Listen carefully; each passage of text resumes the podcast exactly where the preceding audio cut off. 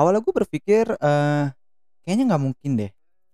Tapi setelah gue baca penjelasannya, wah bener juga ya.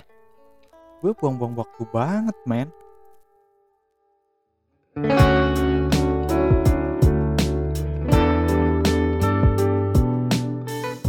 Hey, halo saat ini lo lagi sama gue Yosafat dari channel Capek Cuy. Capek Cuy adalah podcast pribadi gue. Topik yang gue angkat adalah topik yang gue rasa menarik tapi ya kurang lebih akan berisi tentang psikologi dan finansial. So, jika lo tertarik, pastikan jangan lupa untuk follow podcast ini ya.